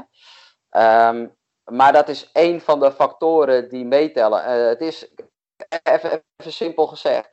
Wat we nu de afgelopen tijden hebben gedaan, waarom mensen zich zijn gekwalificeerd, is ergens in de wereld een marathon lopen. En uh, we gaan gewoon achter een aantal tempomakers uh, aanlopen, onder allerlei omstandigheden. En dan komen we over de finish en dan hebben we een tijd. Alleen wat de Atletiek Unie natuurlijk heeft gezegd, is van, uh, we gaan sowieso de nummer 1 sturen. Maar de nummer 2 en de nummer 3 kijken we ook naar andere factoren. Want in Tokio uh, wordt er niet achter tempomakers aangelopen. En dan gaat het om een strijdmarathon en om een tactische wedstrijd. En wij gaan degene selecteren die dat uh, in ieder geval goed kan. En natuurlijk telt een snelle tijd dan wel mee. Um, maar ja, iemand moet ook wedstrijdfit zijn. En iemand moet ook natuurlijk inderdaad uh, zich daar goed op kunnen voorbereiden. Dus als ik nog een marathon zou gaan doen nu, dan denk ik dat mijn kaarten heel slecht worden. Want wat, moet ik dan vertellen? Of wat moet je dan zeggen? Ja, ik heb nog een marathon gelopen. En ja, en er zijn twee andere, drie andere, die zijn zich eigenlijk al gaan voorbereiden op, uh, op Tokio, op de, op de omstandigheden. En die hebben rust gehad. Dus ik denk dat mijn kaarten eigenlijk alleen maar veel slechter worden als ik nu nog voor een, uh, een marathon uh, zou kiezen. En dat atletiek maar die fiets je er toch gewoon weer uit? Dat is toch makkelijk? die fiets je er gewoon weer uit dat is, waar. dat is waar, dat is waar. Nee, maar ik, uh, wat ik al zeg, van, er zijn meerdere, meerdere dingen die meespelen bij de, bij de selectie. En ik vind dat wat dat betreft, uh, uh, vind ik dat wel een logische keuze. Ook omdat je, je kon je bijvoorbeeld ook op basis van een strijdmarathon kwalificeren. Ja, hoe hadden we dat dan natuurlijk met elkaar uh, vergeleken? En als je alleen maar gaat proberen om die tijd na te jagen, dan denk ik niet dat je de beste marathonloper gaat sturen. Nee, maar jij gaf ook aan dat je eigenlijk nog steeds sterker wordt, toch? Omdat je vrij recent hebt besloten om weer terug te keren. Dus daarom kan ik me wel voorstellen dat het wel gaat kriebelen. Dat je denkt, nou, als dit een maandje later was geweest, misschien nog sneller geweest. Ja, maar, dat is, ja, maar dan is het een, uh, toch een hele goede onderbouwing om dat uh, aan te geven richting. Nou, zou ik ook zeker meenemen, ja. ja, ja. En, en, in, je, in je gesprek. Ja, en, en alleen, alleen uh, nogmaals, het, het, het, tijdselement waar we heel erg op gefocust zijn, is niet het enige wat meetelt, omdat je in Tokio helemaal niet met een tijd te maken hebt, weet je wel. Dan heb ik dus, een vraag voor je. Denk, je. denk je dat als zeg maar, voor de volgende Spelen, wat zou dan volgens jou de beste manier van selecteren zijn? Zouden we iets met trials moeten doen? Als Alfabetisch. Ook, nou, stel, nou, stel de trial dat de, dat de limiet inderdaad rond dezelfde tijd blijft. Dus dat er, we gaan er gewoon vanuit dat er meerdere atleten de limiet lopen. Zou je dan voor trials zijn en dan alleen de eerste? Of 1, 2, 3? Of... Ja, ik denk dat het een verfrissing zou zijn voor de sport. En ook als je kijkt naar de inspiratie, als we toch die limiet zo soepel hebben als dat, als, als dat er nu is eigenlijk. Hè. Mm -hmm. uh, en, uh, en, niet weer base baseren op uh, finale plek Olympische Spelen in deze nogal grote individuele sport. En dat je dan daarmee gaat, trials gaat organiseren. Ja, ik denk dat dat de meest eerlijke manier is. Want nu, nu ga je allerlei dingen vergelijken en dat appels met peren vergelijken. Want ja, dat, dat, dat wordt gewoon heel erg moeilijk en dan krijg je discussie en het zijn hele logische afwegingen die ze nu meenemen, maar er is altijd iemand boos straks. Dus ja. trials, tri trials, tri trials, is het beste en het, ja. uh, en het gaafste ook. Ja, ja. Ik, ik, weet dat in Amerika en, en in Groot-Brittannië is ook altijd nog steeds iemand boos. Maar in Amerika is het natuurlijk 1, 2, 3 die automatisch gaan van de trials. En dan in Groot-Brittannië, volgens mij is het alleen de eerste als je de limiet hebt. Of nee, volgens mij is het weet het eigenlijk niet zeker. Misschien is het wel de eerste twee als je de limiet hebt. Uh, en dan hebben ze nog een aanwijsplek. Dus je zou natuurlijk zoiets kunnen doen. Maar uh, ja, ik ben benieuwd hoe dat in de toekomst eruit gaat zien. Ja, het zou wel. Ik denk dat het een verfrissing is voor de sport. En zeker ook als je kijkt mm -hmm. wat het losmaakt. En dan uh, ook vanuit het oogpunt hè, dat mensen toch geïnspireerd raken door, door atleten met hun verhalen. En kijk alleen maar naar, naar Björn bijvoorbeeld. Hè, van kettingroker tot, tot topatleet ik denk dat, je, dat het helemaal niet zo gek is om dat soort dingen ook uh, uh, mee te gaan wegen naar de toekomst. Mm -hmm. Ja, nou dan uh, danken we je hartelijk. En zet hem op de komende maanden ook met de 209. Dankjewel. En dan ga ik hem afsluiten. Zo zijn we helaas aan het einde gekomen van deze 54e aflevering van Suzy Q&A. Dank Erwin, Jill en Michel. Dank Isabel, technicus van Dag en Nacht Media voor het monteren. Dank beste luisteraars. Ook namens Suzanne. Blijf luisteren en lopen.